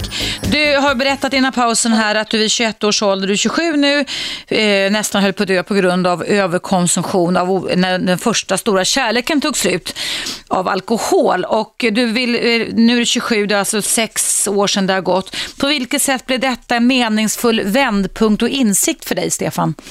Ja, alltså du vet, man fick ju en helt eh, annan eh, syn på vad man värdesätter i livet liksom. Mm. Tidigare värdesatte man ju bara att ha roligt och levde väl ganska mycket för dagen. Men eh, nu har det ju blivit mera det att man, man kanske planerar lite framåt. Jag har ju alltid haft hopp och drömmar och eh, saker som jag har velat uppnå men de har alltid känts så långt bort för mm. att eh, det har varit saker som har stått i vägen som pengar eller ja, helt enkelt eh, ingen tillgång på möjligheten. Liksom. Men då har ju blivit så att förut var det ju, det kändes som så stora hinder så man orkade inte ens ta sig an dem. Liksom. Det kändes bara som att ja, men det där är för någon med rätt, rätt förutsättningar, ingenting för mig. Mm. Men eh, nu har det ju blivit istället att man har ju sett förbi det där. Man ser ju till att skapa sig förutsättningarna för att kunna ta sig dit.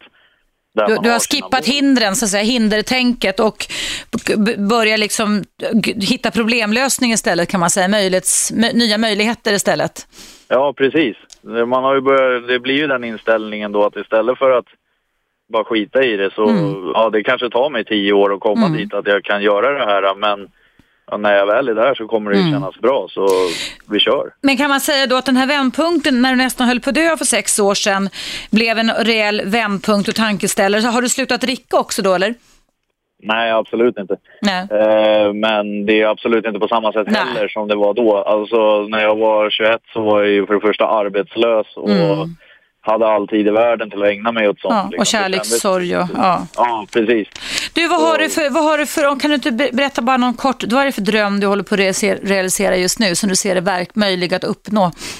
Nej, men jag har alltid velat hålla på med min hobby till exempel. Liksom. Jag är ju motor- och fordonsintresserad. Mm. Så det bara stänker om det liksom. Mm. Och det, eh, det känns ju liksom, ja, det är ju det man pysslar med. Det, förut fanns det ingen möjlighet att pyssla med det. Jag bor i Stockholm liksom. Mm. Var, mm det, det, finns inte en, det finns inte en yta att hålla på med här. För att mm. finns det ett ledigt hörn någonstans i en byggnad där du kan pyssla med den hobbyn, då är det något företag som flyttar in där och, alla, och pröjsar hyror som är liksom fan, flera månadslöner för en annan. Ja, ja. Och det, förut var det ju bara det. Det kändes ju bara som att man, man ville ju bara skrika och förstöra saker. Man var så frustrerad mm. över att jag kan inte hålla på med det jag gör, det jag älskar liksom. Men det har du lärt dig att du kan. Har du hittat någon ny kärlek också, Stefan?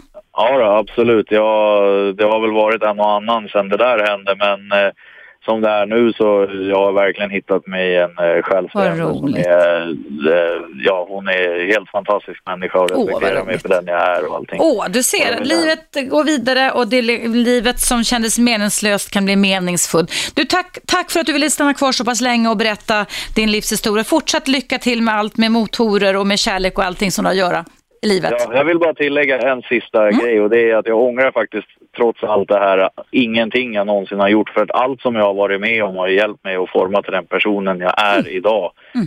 Och det är viktigt för mig. Jättebra. Tusen tack Stefan för de orden. Ha en jättebra fortsatt liv och dag också för den delen.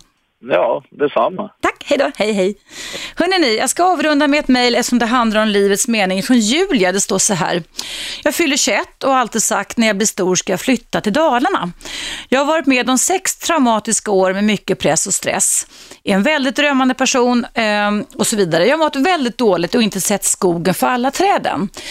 Min familj har fastigheter och massor av skog i Dalarna, men jag har alltid velat ut i världen. Nej, jag ska citat tusan sitta på börsen i New York, inte sitta i skogen i Dalarna. Men jag kommer fram till att det allra viktigaste är att må bra, skriver Julia, 21 år. Jag skrattar hellre på en flakmoppe än att gråta i en Ferrari. För jag har varit nere i helvetet och vänt. Och sen fortsätter Julias mejl så här. Och det här tänkvärt, hörni, ni lyssnar, lyssna på det här. Så skriver Julia 21. Nu tar jag mitt pick och pack och ska re realisera en dröm. Jag ska ha en gård där jag kan ta emot djur som inte har ett hem. Jag ska bygga ett växthus och bejaka mina kreativa sidor. Jag ska ha hästar och rida varje dag. Jag är ung, men jag reser minst fyra långa resor per år. Har sett alla världsdelar. Jag har varit i Ghana och varit volontär och så vidare. Jag har verkligen förstått det lilla. Jag har trott att mitt liv var över om jag inte har en vingård i Frankrike innan 30. Men istället för att stressa gör jag det bästa av det jag har. Och så skriver Julia Chet så här, jag tar nu över arvet sedan 1600-talet och bosätter mig i Dalarna. Jag har ju strålande betyg och kan därmed plugga vad jag vill, starta ett företag och driva jordbruk eller bli konstnär. Allt är möjligt. Jag är stor nu. Jag kan faktiskt flytta till Dalarna. Jag har mina föräldrar som kan stötta mig ekonomiskt nu när jag studerar. Jag har möjligheten och jag tar den. Det är den dagen, skriver Julia avslutningsvis, du inte är rädd för att dö. Du vågar att leva. Det är vad alla religioner går ut på. Som troende behöver man inte oroa sig, du kommer till himlen och så vidare. Det ger en trygghet som gör att du vågar leva. Men avslutningsvis skriver Julia så här. Jag är ateist och tror på mig själv. Jag vågar att leva, för jag är inte rädd för att dö. Punkt. Vilket fint mejl, Julia. Tack så hemskt mycket. Verkligen lycka till med att realisera dina planer. Eh, jag kan berätta, jag berättade det för min producent här innan jag startade idag, att vi hade här på MTG Radio en kick-off ett år sedan som hade temat att sätta, varför inte sätta en liten röd stuga på månen. Och det handlar om en eh, konstnär från Västerås som höll ett fantastiskt föredrag om sina strävanden efter att försöka sätta en röd stuga på månen. Och han möttes av en den ena och den andra, han kom i kontakt med Rymdstyrelsen, NASA och alla sa så här, ja varför ska man sätta en röd stuga på månen? Och han hävdade, ja varför ska man inte det? Hur som helst så slutade denna fantastiska kick-off och scenario med att han inifrån eh, eh, astronauten Christer Fuglesangs egen filmning som ju åkte till månen så fick han med en liten eh, hopfällbar papier-maché, alltså kartongröd stuga som Christer Fuglesang eh, satte upp och monterade upp på månen i papper. Den satt ju inte kvar så länge. Så att den här eh, konstnären fick i alla fall med hjälp av Christer Fuglesang eh, placerade en liten röd stuga på månaden. Och jag tycker vi alla, alla ska faktiskt våga tänka så om vi ska prata om att ge livet en mening och leva här och nu. Att varför kan inte vi sätta en liten röd stuga på månen, precis som Julia beskrev här nu. Det är aldrig för sent att eh, ge livet mening. Det är aldrig för sent att ändra våra liv och ändra inriktning. Sluta jämföra er med andra. Fråga dig själv vad du behöver just nu. Strunta i alla eventuella, alla negativa negativa människor som har en väldig massa åsikter. Eh, realisera det som är viktigt för dig och våga drömma om dina mål och alla mål behöver inte realiseras i ett nafs. Men jobba, om jag ska sammanfatta vad ni som har ringt in har sagt, så jobba mot målet och som Stefan sa här avslutningsvis, eh, gör dem möjliga genom att utforska vad det är som behövs för att du ska kunna göra det. Jag håller själv på att sätta en liten röd stuga någonstans här i världen. Jag ska berätta mer om det sen. Jag håller på att realisera en dröm i mitt eget liv också som jag trodde var omöjligt och det ska jag berätta om när det är väldigt klart. Så tänk så att kan jag, kan ni, kan alla ni andra använda det ni har varit med om som erfarenheter Även om det var blod, svett och tårar och nära döden upplevelser så blev det någonting gott. Och min eh, föreställning, eller min, min, min målbild i livet lite har faktiskt varit den nu då bortgångna Sonja, min granne i huset, som mötte döden med en pragmatisk stoisk lugn därför att hon var inte rädd för att dö, precis som Julia skrev, för hon hade levt. Jag frågade henne innan hon avled för några dagar sedan, snart 86 år ung, om det var någonting hon ångrade och då sa nej, det skulle möjligtvis vara då att hon inte hade sett Aruba, mitt lilla röda hus där jag skulle vilja planera, i alla fall i min dröm. Eh, men det var det enda, annars var hon nöjd med livet och hon fördes till den sista vilan iförd sitt leoparddiadem, sina leopardkläder och naglarna var lackade in i det sista. Faktum är att så vill jag nog också eh, lämna jordelivet den dagen. Den kommer inte om utan den dagen det sker. Hörrni, det är dags för mig att runda av. Vill du lyssna på detta program. I repris som alltså handlar om existentiella frågor, nog så viktiga livsfrågor medan vi kan, så kan du höra på det i repris idag klockan 19.00 varje vardag måndag till fredag på 101,9 Radio 1 frekvens så kan du lyssna på mina program Eva Russ som alltså handlar om relationer. Imorgon är en annan dag, då är jag tillbaka klockan 10.00 i direktsändning. Alldeles strax så kommer Kim Kärnfalk att ta över spakarna här. Kim har ett eget program som sänds varje lunch också som tar upp aktuella ämnen och debattämnen. Så om du vill veta vad det är och jag ser inte henne här just nu ska du stanna kvar och ha frekvensen 101,9 fortsatt inrattad. Därmed sätter jag punkt för mig idag. Jag tackar er alla med en stor varm kram för att ni ville lyssna på mig och för att ni ville ringa in och bjuda på era livsexempel och alla ni som har mejlat också till dig Julia. Lycka till med att realisera din dröm i Dalarna. Kom ihåg att det är aldrig för sent att vända livet och göra de saker som du har gått och längtat och skjutit upp. Kom ihåg det. Vi hörs imorgon. Hej då. 101,9 Radio 1 Sveriges nya pratradio.